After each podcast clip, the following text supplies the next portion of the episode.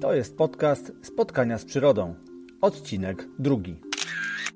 W tej części usłyszycie o podstawach, które pozwolą nam w kolejnych odcinkach przejść do tematycznych rozmów z gośćmi, o tym, na czym polega obserwowanie przyrody, bo to wbrew pozorom nie jest wcale takie oczywiste, a także o tym, czym jest fotografia przyrodnicza.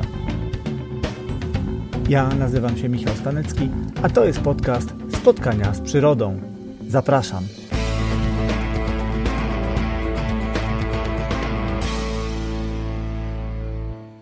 Początek kwietnia.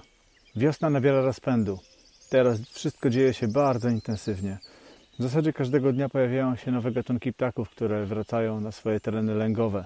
W ostatnich dniach zaczęły odzywać się pierwiosnki, pojawiły się pleszki.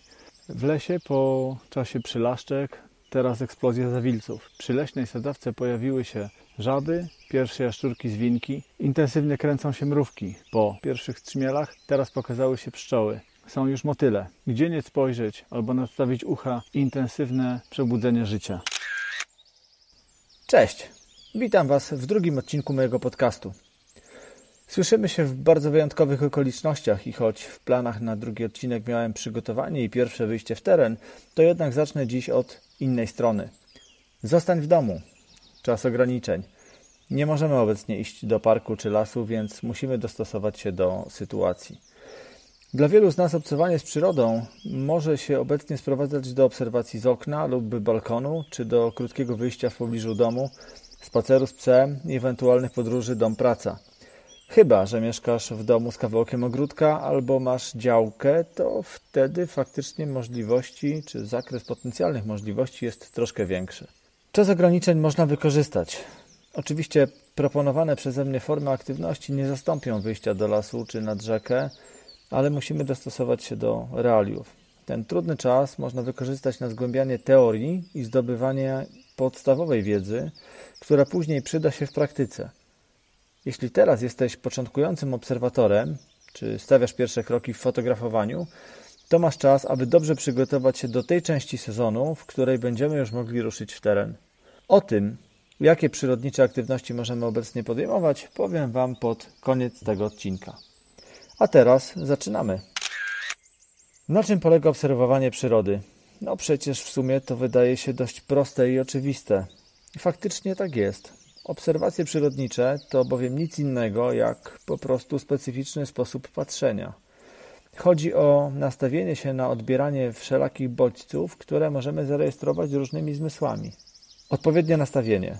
O, można nawet powiedzieć przygotowanie mentalne – Zakładam, że to, o czym mówię i będę mówił w tym podcaście, trafia do osób, dla których przyroda jest ważna, albo taka się właśnie staje. I że jako moi słuchacze odczuwacie potrzebę bycia blisko natury. Więc musicie być nastawieni na specyficzny rodzaj spotkania z przyrodą, na dostrzeganie i na słyszenie. Najczęściej jest tak, że najważniejsze są właśnie oczy i uszy. Obserwacje to po prostu świadomość tego, w jakim celu wychodzi się z domu. To pewien rodzaj uważności, który kierujemy na dostrzeganie tego, co nas otacza. Możecie zapytać, ale jak to? To można być w środku parku czy lasu i nie widzieć przyrody? Otóż można. Na przykład biegacz, który ma słuchawki w uszach i słucha muzyki. Odcina sobie połowę bodźców, czyli to, co mógłby usłyszeć. A przecież niemalże o każdej porze roku, nawet w miejskim parku, możemy usłyszeć od kilku do nawet kilkudziesięciu gatunków ptaków. Często widzę ludzi, którzy spacerując po lesie czy parku, rozmawiają przez telefon. Nasz umysł odcina wtedy rejestrowanie wielu bodźców. W czasie takiej rozmowy możemy na coś patrzeć i jednocześnie tego nie widzieć. To oczywiście tylko przykłady. Chcę po prostu zobrazować Wam, co, co mam na myśli. Jeśli skoncentrujesz się na obserwowaniu przyrody, to jej świat się przed Tobą otworzy. Bycie uważnym obserwatorem i właśnie takie świadome dostrzeganie obrazów jest pierwszym krokiem do wejścia w świat fotografii przyrodniczej. Bez umiejętności uważnego patrzenia nie da się bowiem fotografować. Kluczem do zrobienia wartościowej fotografii jest wyłapanie obrazu, z którego następnie zbudujemy nasz kadr. I to w zasadzie jest chyba najprostsza definicja fotografii przyrodniczej. To nic innego jak rejestrowanie obrazów, które dostrzegamy, oczywiście pozostając w obszarze natury. Od poziomu naszych umiejętności i kreatywności będzie zależeć, czy robimy to w sposób wyłącznie dokumentacyjny, czy może w sposób bardziej artystyczny. Choć oczywiście jedno nie wyklucza drugiego. Fotografowanie przyrody to umiejętność wyłuskiwania tych wyjątkowych obrazów. Wyjątkowych z uwagi na ciekawy obiekt, wyjątkowe oświetlenie, grę kolorów, wzory, faktury, rytmy czy ciekawą i dynamiczną akcję. W zasadzie nie ma tu narzuconych żadnych ograniczeń. No może tylko poza tymi, które wynikają z etyki, bowiem etyczne zachowanie każdego fotoprzyrodnika to podstawa i fundament każdej działalności w terenie. O etycznym podejściu do fotografii będzie więcej w kolejnym odcinku. Teraz wracamy do samej fotografii. Choć wszelkie podziały fotografii przyrodniczej na kategorie czy jakieś podgatunki są bardziej lub mniej umowne, to możemy oprzeć się na podziale stosowanym przez Związek Polskich Fotografów Przyrody, czyli największą w Polsce organizację zrzeszającą fotografów przyrody. W fotografii przyrodniczej mamy zatem następujące kategorie: krajobrazy, ssaki, ptaki, inne zwierzęta, owady, rośliny, kompozycja, forma i impresje. A możemy też iść dalej, czy stosować inne podziały, dorzucić do tego choćby fotografię podwodną, czy fotografię z powietrza, na przykład z drona. Możemy dzielić to jeszcze inaczej, czyli zostawić fotografię krajobrazów, ptaków i ssaków, ale już y, zrobić wspólny nawias, tak zwaną makrofotografię, czyli zakres, który obejmie i owady, i rośliny, i inne tematy. Są też wreszcie impresje, czyli najbardziej artystyczna forma, dopuszczająca w zasadzie każdą formę wyrazu. Impresje to na ogół fotografie niedosłowne, niedopowiedziane, czasami fizycznie nieostre czy wręcz zamazane, w których rolę może odgrywać barwa, jakiś specyficzny detal. Ja jestem zdania, że dosłowne i sztywne dzielenie fotografii przyrodniczej na poszczególne kategorie jest y, zdecydowanie sztuczne. Uważam, że w miarę zdobywania doświadczenia i większych umiejętności technicznych, rozwijający się fotograf zaciera granice między tymi gatunkami czy kategoriami. Podział przydaje się może tylko przy okazji organizowania dużych konkursów poświęconych fotografii przyrodniczej. Musimy pamiętać, że żyjemy w czasach powszechnej dostępności sprzętu fotograficznego. Tak, przecież każdy z nas ma w kieszeni telefon będący super aparatem, który zawsze mamy przy sobie. Z tej dostępności sprzętu i możliwości publikowania zdjęć, choćby w serwisach społecznościowych, wynika ogromna ilość zdjęć, które nas dzisiaj zewsząd zalewają. I teraz chodzi o to, żeby dzięki szukaniu nowego podejścia i innego punktu widzenia nie powielać w nieskończoność tego, co już było. A było naprawdę niemalże wszystko. Sztuką jest zrobić takie zdjęcia, które dzięki przemyślanej formie i odpowiedniemu warsztatowi będą się z tej masy wyróżniać. I właśnie między innymi dlatego powstaje ta audycja. Wróćmy na chwilę do przytoczonego podziału na poszczególne kategorie fotografii przyrodniczej. Trzymanie się tego podziału ułatwi mi mówienie o tym, czym te poszczególne gatunki się charakteryzują i z zastosowaniem jakich technik fotografowania mogą się one wiązać. Zacznijmy od krajobrazów. Ten gatunek z kilku względów możemy uznać za mniej wymagający od początkujących fotografów. Celowo nie mówię, że jest łatwiejszy. Jest mniej wymagający, bo do robienia zdjęć krajobrazowych może nam wystarczyć w miarę prosty sprzęt. Prosty aparat kompaktowy czy nawet wspomniany smartfon. Ten gatunek nie wymaga drogich teleobiektywów, specjalnej odzieży, sprzętu maskującego, profesjonalnych ukryć dla fotografów, czyli tzw. Tak czatowni. Nie wymaga również bardzo zaawansowanych umiejętności technicznych. Na początku powinna wystarczyć zdolność podstawowej obsługi posiadanego aparatu. Poza odpowiednim wybraniem i zbudowaniem atrakcyjnego i czystego kadru, zdjęcie musi być przynajmniej poprawne technicznie. Musi być ostre i odpowiednio naświetlone. O sztuce samego fotografowania, kadrowaniu, dobieraniu odpowiednich parametrów do zrobienia zdjęcia, czyli również o umiejętności używania poszczególnych funkcji aparatu, będę mówił w jednym z kolejnych odcinków. Teraz wróćmy do robienia zdjęć krajobrazowych. Aby zdobywać doświadczenie, szkolić swoje oko i uczyć się używać aparatu, możemy fotografować w zasadzie o każdej porze dnia. Ale jeśli chcemy dać sobie szansę na zawarcie w swoich fotografiach tego, co jest przez wielu uważane za klucz do fotografii, czyli światła, to fotograf krajobrazu musi na to światło zapolować. Dobre, ciekawe lub bardzo nietypowe oświetlenie jest kluczowe dla atrakcyjności większości gatunków fotografii. Porami dnia, które z uwagi na największe szanse na takie właśnie światło, są pory wschodu i zachodu słońca. Ten czas następujący po wschodzie słońca i ten poprzedzający zachód dorobiły się w fotografii nawet specjalnego określenia. To są tak zwane złote godziny. Pory dnia, w których światło słoneczne jest ciepłe i miękkie, oświetla świat z niskiej perspektywy. Pejzażyści cenią też czas bezpośrednio przed wschodem słońca, jak i czas po tym, gdy słońce schowa się już za horyzont. Dochodzimy tu przy okazji do tego, co dla wielu fotografów jest dużym wyzwaniem. Do konieczności wczesnego wstawania i potrzeby dotarcia w odpowiednim czasie w miejsce potencjalnie wartościowe, atrakcyjne. Zwolennicy pory świtu muszą w związku z tym przez większą część roku zarywać noce. Ważną i cenioną cechą zdjęć krajobrazowych jest pokazywanie wybranych miejsc w sposób nieoczywisty, czyli nie w taki, w jaki widzimy je najczęściej w środku dnia. W tym właśnie pomaga nieocenione słońce, które potrafi wyczarować zupełnie inne oblicze takich miejsc. Jeśli dodatkowo załapiemy się jeszcze na przykład na poranne mgły, to będziemy mieli okazję zobaczyć nasze miejsce w wersji lekko przyprawionej magią. Fotografowie krajobrazu cenią sobie każdą dynamiczną pogodę, na przykład niebo przed lub po, a nawet w trakcie burzy.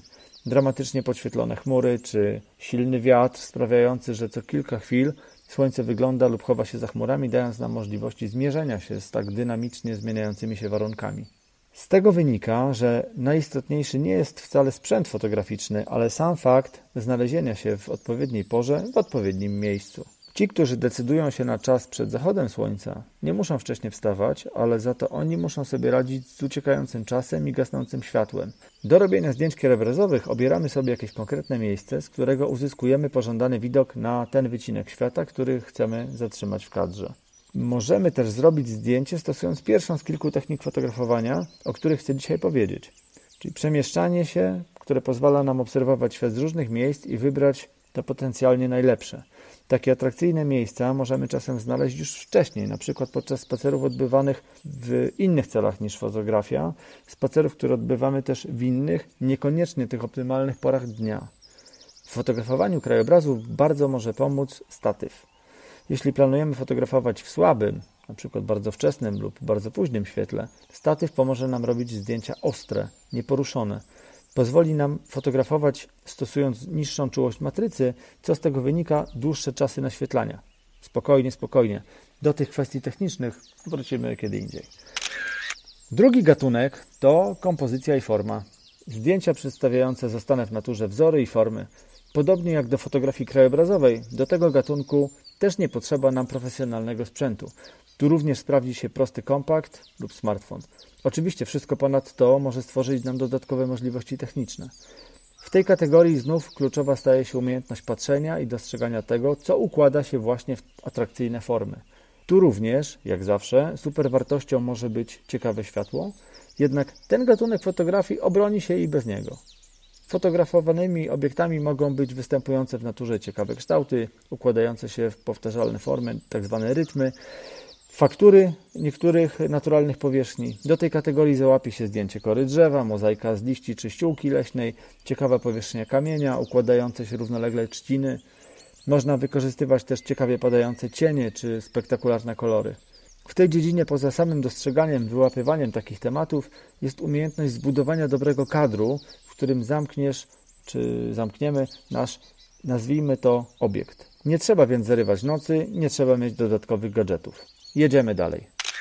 Inne zwierzęta, czyli zwierzęta inne niż ptaki i ssaki, bo te mają swoje kategorie.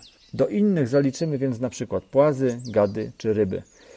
Tu wchodzimy już w trochę inne, trudniejsze zagadnienia, bo zwierzęta boją się ludzi. Jedne są bardziej ostrożne i puchliwe, inne mniej. Co z tego wynika? Od tego będzie zależeć, jak blisko będziemy mogli się do nich zbliżyć.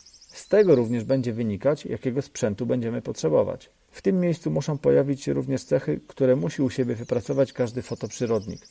Ostrożność, cierpliwość, czyli umiejętność przemyślanego działania, w którym będziemy unikać szybkich nerwowych ruchów i hałasów. To raczej żelazna zasada dotycząca zbliżania się do wszelkich zwierząt. Jeśli chcemy na przykład fotografować gody żab, to najpierw musimy te żaby znaleźć. Trzeba w tym celu wiedzieć, że żaby potrzebują do tego wody. Podmokłe czy czasowo zalane wiosną miejsca ze stojącą wodą trzeba po prostu sprawdzać. Przy okazji warto wspomnieć o dodatkowym sprzęcie, jaki może tu być potrzebny, czyli o kaloszach. Kalosze to bardzo ważne wyposażenie przyrodnika i nieraz będę o nich wspominał. Jeśli już znajdziemy miejsce, do którego schodzą się żaby, to musimy się do nich zbliżyć. Pamiętajmy, że nie robimy zdjęć za wszelką cenę. Jeśli warunki są trudne czy wymuszają niepokojenie zwierząt, to powinniśmy odpuścić i poszukać innej okazji. Nie wchodźmy w środek ich rewiru godowego, nie płoszmy dziesiątek czy setek żab, żeby tylko zrobić kilka lepszych lub gorszych ujęć. Jeśli podejdziemy wolno, ostrożnie, jest szansa, że nasze obiekty fotograficzne pozwolą się zbliżyć do odległości pozwalającej na wykonanie zdjęcia. I tu musimy dotknąć sfery sprzętu, bo inna będzie ta odległość w przypadku teleobiektywu, inna w przypadku kompaktu, na przykład ze zmiennym przybliżeniem, czyli zoomem, jeszcze inna w przypadku obiektywu szerokokątnego. Ten ostatni wariant raczej się tu nie sprawdzi. Teleobiektyw za to pozwoli nam zachować dystans i nie płoszyć żab. Dzięki niemu możemy też unikać konieczności wchodzenia do wody. W grę wchodzą jeszcze specjalistyczne obiektywy do makrofotografii. One też ułatwiają nam zadanie.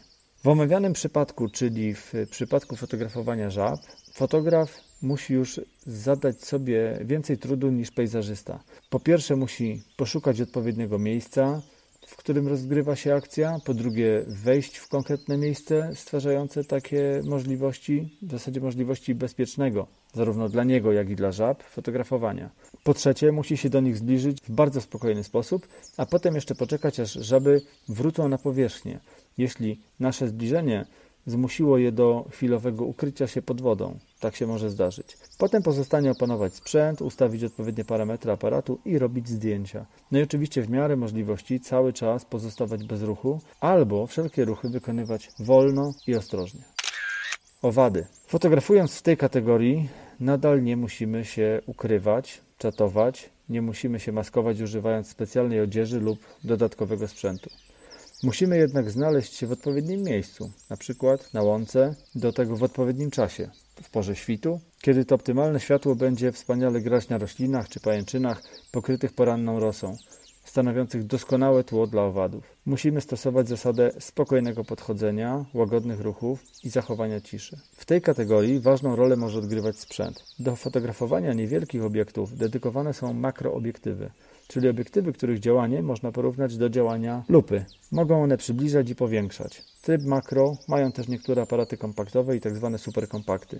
Droższe, bardziej złożone aparaty wyposażone w więcej trybów pracy, niemalże takich samych jak znajdziemy na przykład w lustrzankach, również je posiadają. W makrofotografii ważne jest opanowanie pracy ze światłem, zresztą podobnie jak w innych dziedzinach.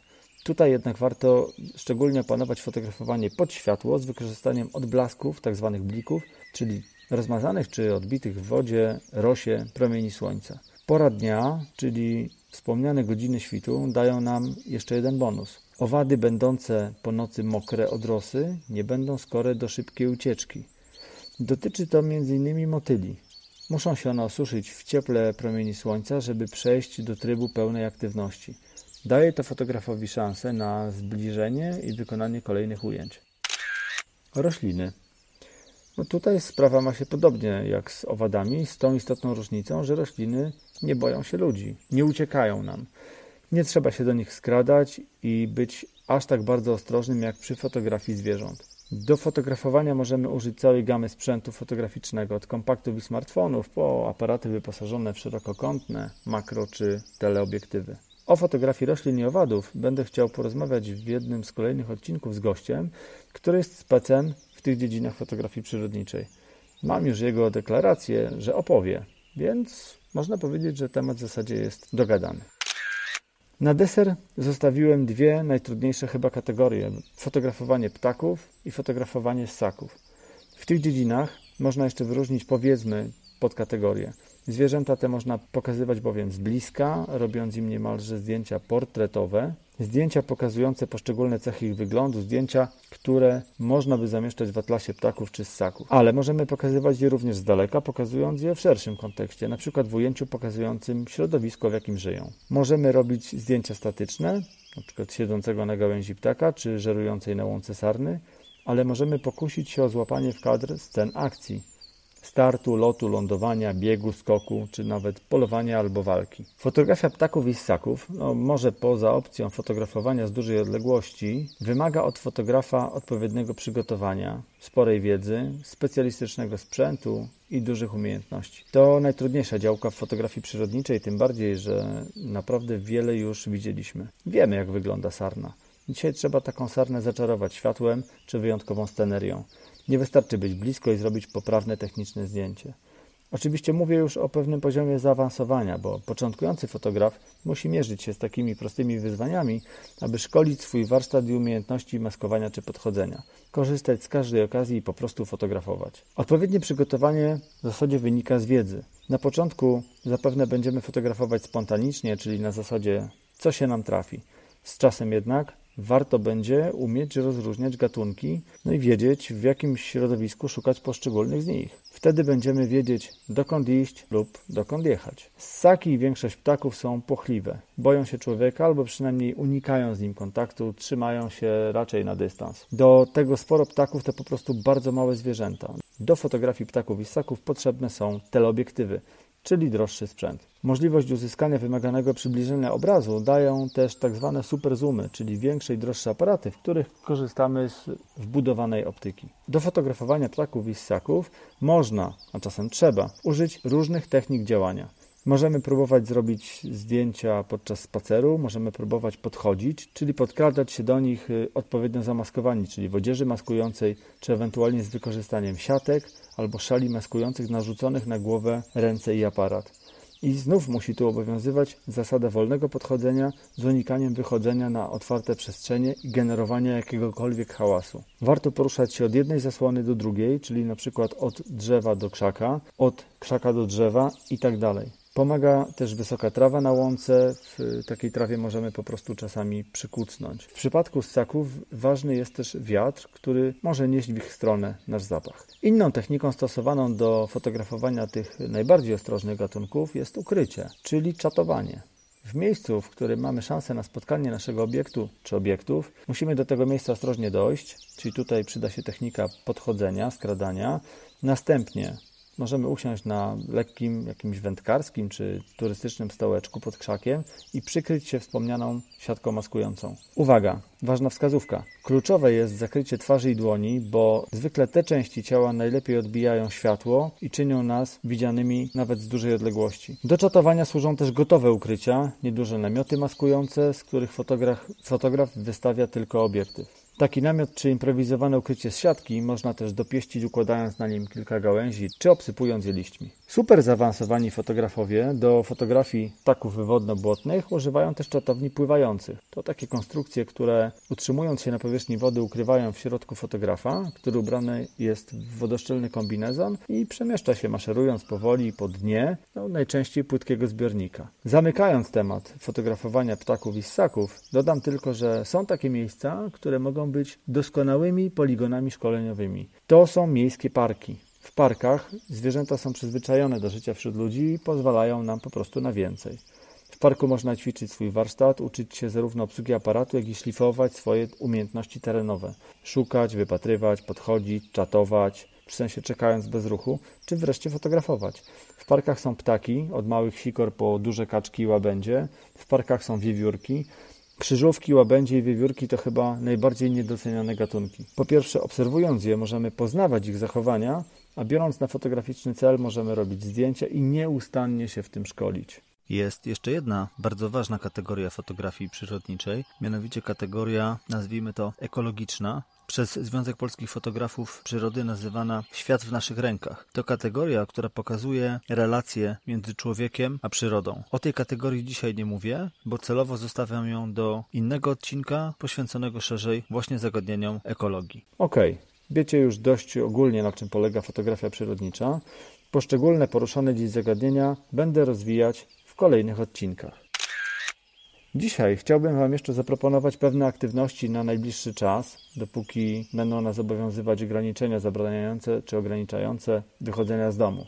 Dzisiaj trochę łatwiej wygospodarować trochę tego wolnego czasu i czas ten możemy poświęcić na poznawanie przyrody w naszej najbliższej okolicy. Najłatwiej dostrzec ptaki, bo one są niemalże wszędzie. Widzimy i słyszymy je z okien naszych domów. Widzimy i słyszymy je wychodząc na trawnik, skwer pod blokiem. Jeśli mamy kawałek ogródka lub działkę, to możliwości są dużo większe. Sprzyjają też spacery z psami. Spróbujcie się porozglądać, rozpoznać przynajmniej kilka gatunków. W notatkach do tego odcinka podam Wam linki do stron, które można potraktować jako atlasy ptaków i bazy ich typowych głosów. Jeśli macie lornetkę, to sprawa będzie dużo łatwiejsza. Wokół nas są sikorki bogatki, modraszki, kosy, kwiczoły, szpaki. Są inteligentne ptaki krukowate, kawki, sroki. Zawsze są gołębie. Teraz dołączyły też grzywacze. Czasem są wróble lub mazurki. Dzięcioł duży potrafi pokazywać się w zasadzie w nawet najmniejszych zadrzewieniach, na skwerach i podwórkach. Często w miastach gniazdują też drapieżne pustułki. Ptaki są teraz bardzo aktywne wokalnie. Dobierają się w pary na czas lęgów, szukają miejsc do założenia gniazd. Znoszą budulec do ich tworzenia. Naprawdę jest na co popatrzeć. No i można słuchać ich śpiewów. Specjaliści od wypatrywania ptaków w miastach potrafią wypatrzyć nad miastem lecące czaple, bociany, żurawie czy nawet drapieżne myszołowy. Możecie też pokusić się o rozpoznawanie gatunków drzew, jakie macie w swoim otoczeniu.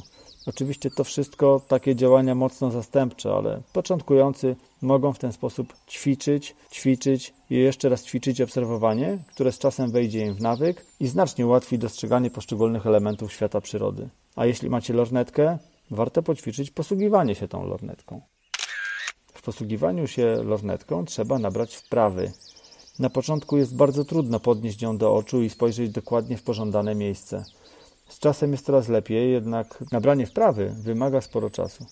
Później w terenie to jedna z kluczowych umiejętności, bo jeśli na przykład ptak przysiądzie na gałęzi tylko na krótką chwilę, nie da nam czasu na przeszukiwanie połowy drzewa. Trzeba podnieść lornetkę i spojrzeć na ptaka, bo w innym razie stracimy szansę.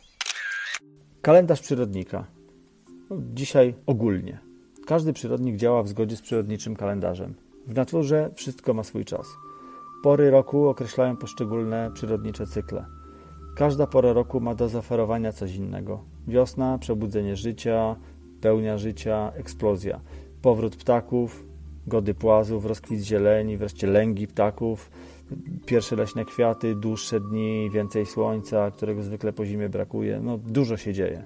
Po intensywnej na ogół wiośnie, lato to czas spokojny, w którym stopniowo milkną ptaki, a my możemy napawać się łąkami pełnymi kwiatów, motyli, innych owadów. Jesień to czas migracji ptaków, rykowiska jeleni i niesamowitych kolorów. Wreszcie zima, coraz rzadziej biała czy mroźna, częściej krótka i łagodna.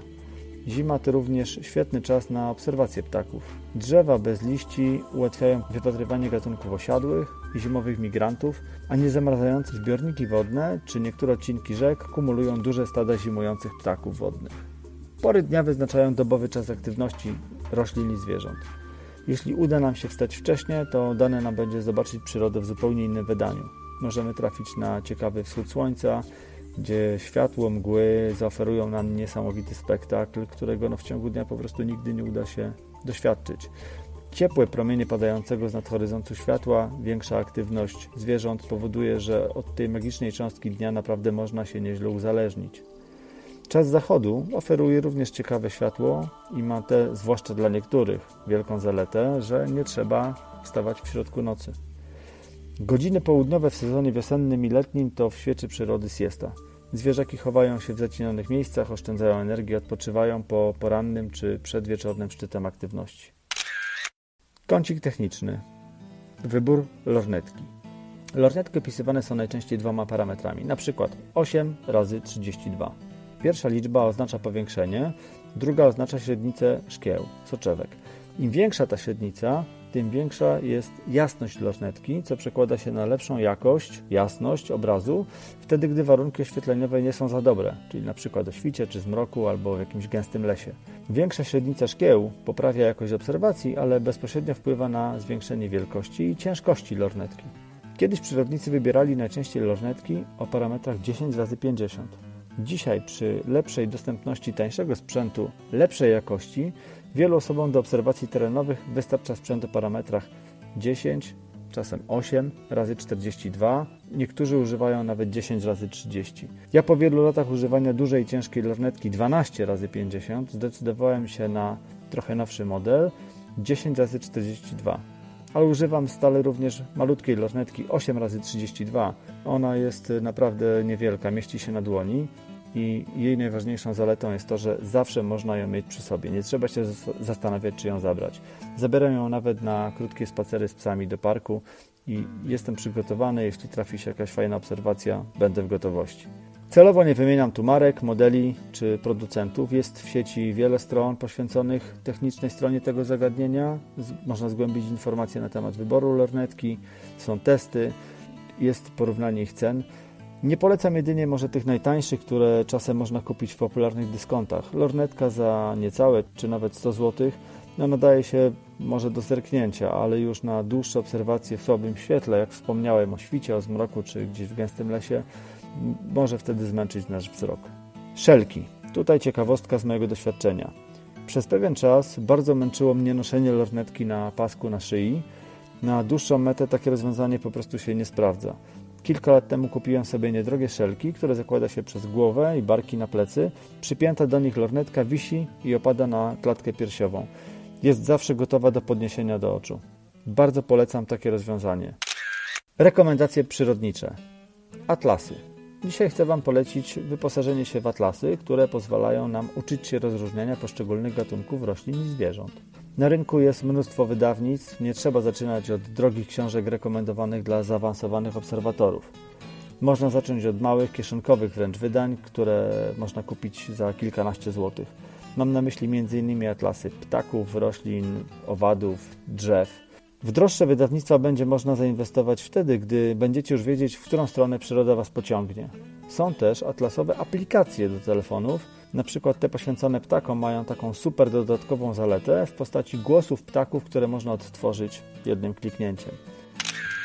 Na dzisiaj to wszystko, co dla Was przygotowałem. W notatkach do tego odcinka na stronie zamieszczam linki do niektórych poruszonych zagadnień czy przedmiotów. Zapraszam na stronę spotkań z przyrodą www.michalstanecki.com i sprawdzenie tych odnośników. Proszę Was o komentarze, uwagi, sugestie dotyczące podcastu, dotyczące odcinka. Będzie mi niezmiernie miło, jeśli docenicie moją pracę, polubicie, a także zasubskrybujecie mój podcast. Można go znaleźć w sieci w kilku miejscach. Na stronie mojego bloga, a także w podcastowych serwisach i aplikacjach dedykowanych dla użytkowników poszczególnych systemów. Dziękuję, że wysłuchaliście tego odcinka. Wkrótce pojawi się kolejny, w którym z moim pierwszym gościem, fotografem, porozmawiam o jego początkach, o sprzęcie fotograficznym dla początkujących. Przybliżymy też Związek Polskich Fotografów Przyrody jako największą w Polsce organizację zrzeszającą fotografów przyrody. Raz jeszcze dziękuję za dziś i do usłyszenia wkrótce.